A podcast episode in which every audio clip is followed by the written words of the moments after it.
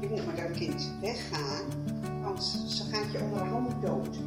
Overdag voelden we ons net bedelaars. Maar het was oorlog en er gebeurden zoveel abnormale dingen in die tijd. Hoe heeft ze dat in vredesnaam zo kunnen doen? Eh, lopend met twee hele kleine kinderen in de winter. Ze is daar niet zo heel veel over verteld. Er stond zoveel op het spel. Onze levens en de levens van degenen die ons hielpen. Mijn naam is Marjolein Meijering en in deze podcast vertel ik het verhaal van mijn oma. Welkom bij Van Rotterdam naar Koevoorde. We gaan 75 jaar terug in de tijd. Het is maandag 26 februari 1945. Het is dan ongeveer 7 graden buiten, dus dat is niet extreem koud. En mijn oma schrijft: Na eerst heel wat plannen beraamd te hebben, gingen we op pad. Jans met Jan in de kinderwagen, ikzelf met de baby van ruim twee maanden en Ati met een kinderwagen met proviant en kleren. Het proviant dat ze bij zich hadden bestaat uit een pannetje gekookte groene erwten en het beroemde Zweedse wittebrood. Oma schrijft: Een paar dagen voordat we op pad gingen, kregen alle mensen in het westen van het land via het Rode Kruis uit het neutrale Zweden margarine en wittebrood. Jan heeft de margarine gehouden en wij hebben het brood meegenomen. Mijn tante Henny vertelt echter dat ze ook nog heel veel appels bij zich hadden. Daar had ze het altijd over. Ja? Even kijken, staat dat hier niet bij? Nee, ze heeft het over Nee. gekookte groene erwten en een Zweeds Ja. witbrood. Oh. Zij heeft wel eens verteld dat onder in de kinderwagen hadden ze nog, nog appels ge, eh, erin gedaan. Ook voor Jan. Ja. Om overdag eh, wat in zijn mond eh, te hebben. Ja. Om te kunnen eten. Maar dat staat hier inderdaad eh, niet in. Ja, die waren voor mij. Ja, precies. Ja, ja. En dat staat hier ook niet in. Dat vind ik Ja. grappig. Nee, dat weet ik, dat ik op appels leefde. Ze hebben het nog relatief lang uitgehouden met twee jonge kinderen in het westen van het land. Dat kwam omdat ze veel hulp hebben gehad van de ouders van mijn opa, die in het oosten woonden en veel eten stuurden. In de videoopnames van de jaren 90 vertelt mijn oma daar het volgende over. We hebben nog geluk gehad dat we tot de spoorwegstaking, ook in 1944, steeds pakjes uit koevoeding kregen van de ouders van mijn man. En ook kregen we voedselbonnen van hun. Maar later veranderden de Duitsers de kleur van de bonnen. Van het westen en het oosten. Dus kregen we geen pakjes meer en geen bonnen meer. Er moest dus een plan beraamd worden. En dat plan heeft mijn oma samen met Ati en Jans beraamd. Ik dacht dat dat vriendinnen waren van mijn oma, maar het blijken kennissen van de kerk te zijn. In die tijd gingen veel vrouwen erop uit om eten op de kop te tikken. Voor de ouders en de broers, lopende of op de fiets. Zo waren er twee dames die we kenden van de kerk, die hadden weer plannen om te proberen om eten te krijgen. Daar hebben we toen mee gepraat en aan gevraagd of ze met mij mee wilden met de beide kinderen lopende naar Koevoorde. Dat wilden ze blijkbaar wel, want ze zijn met z'n drieën op pad gegaan. Ook Jans en Ati lieten een man achter.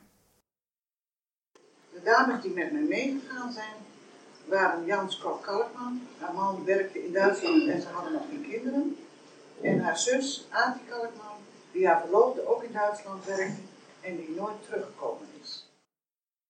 Daar kan ik misschien wel wat mee. Ik stuur daarom een mailtje naar de Laankerk. Tegenwoordig is dat de hersteld hervormde gemeente in Rotterdam Kralingse Veer. In 1945 was dit de gereformeerde kerk. Wellicht dat zij meer informatie hebben voor mij over deze vrouwen. Terug in 1945 begint dan echt de tocht. Ze zijn nog geen vier kilometer onderweg of ze komen op de Schravenweg in Rotterdam een bekende tegen, mevrouw Koedoot van Spronzen.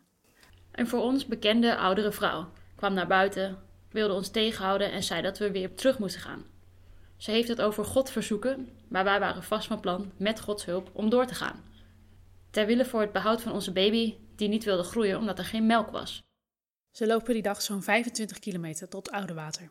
In Oudewater gaan ze naar de Rode Kruispost om onderdak te zoeken voor de nacht. Ik kan me bij zo'n post niet echt wat voorstellen.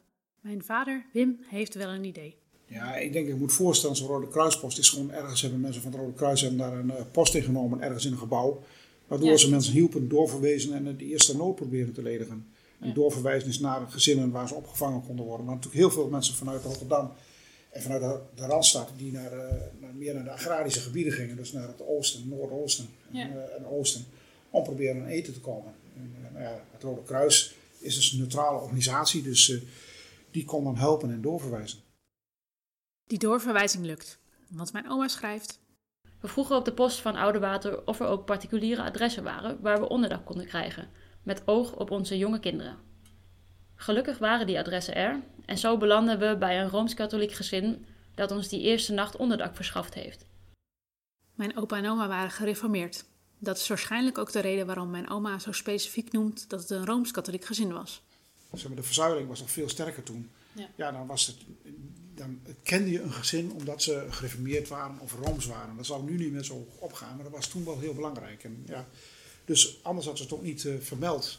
Omdat er nogal grote verschillen waren tussen bijvoorbeeld gereformeerden, hervormden en, eh, en, ro- en rooms-katholieke mensen. Dus ik denk dat ze daarom in het boekje ook specifiek benoemd heeft. Ze hadden gewoon dat weg kunnen laten, dat ze bij mensen in huis waren. Maar dat was voor toen die tijd heel belangrijk waar je bij hoorde. Een rooms-katholiek gezin dus. En mijn oma vervolgt, lekker praktisch. De vuile luiers mocht ik uitspoelen en op een rekje om de kachel drogen. S'nachts ging de kachel uit, want de brandstof was op de bon. Nadat de baby s'avonds de laatste voeding had gehad, gingen we slapen, want we waren erg moe na een lange dag lopen. Ze zullen ongetwijfeld moe zijn geweest. En in tegenstelling tot tegenwoordig hadden ze waarschijnlijk geen fatsoenlijk schoeisel en ook niet echt fatsoenlijke kleding. Mijn ooms en tantes zeggen daar het volgende over. Geen wandelschoenen natuurlijk, gewoon Nee, simpele. ja, de gewone schoenen die je altijd aan had. Ja. En dan moet je niet die fijne wandelschoenen die wij hebben. Nee, dat is wel wat. Ik denk wel goede veterschoenen moet haast wel. Want zie, dat soort kleine dingen wat je nu denkt, hoe zouden ze dat gedaan hebben, dat hebben wij ook nooit gevraagd. Gelukkig heeft mijn oma er in de jaren negentig zelf nog wel het een en ander over verteld. Nou, we hebben die dagen in dezelfde kleren gelopen. En goede schoenen. Je liep wel wat. Op de tweede dag lopen ze van Oude Water naar de beeld. En dat hoor je in aflevering 3 van Van Rotterdam naar Koevoorde.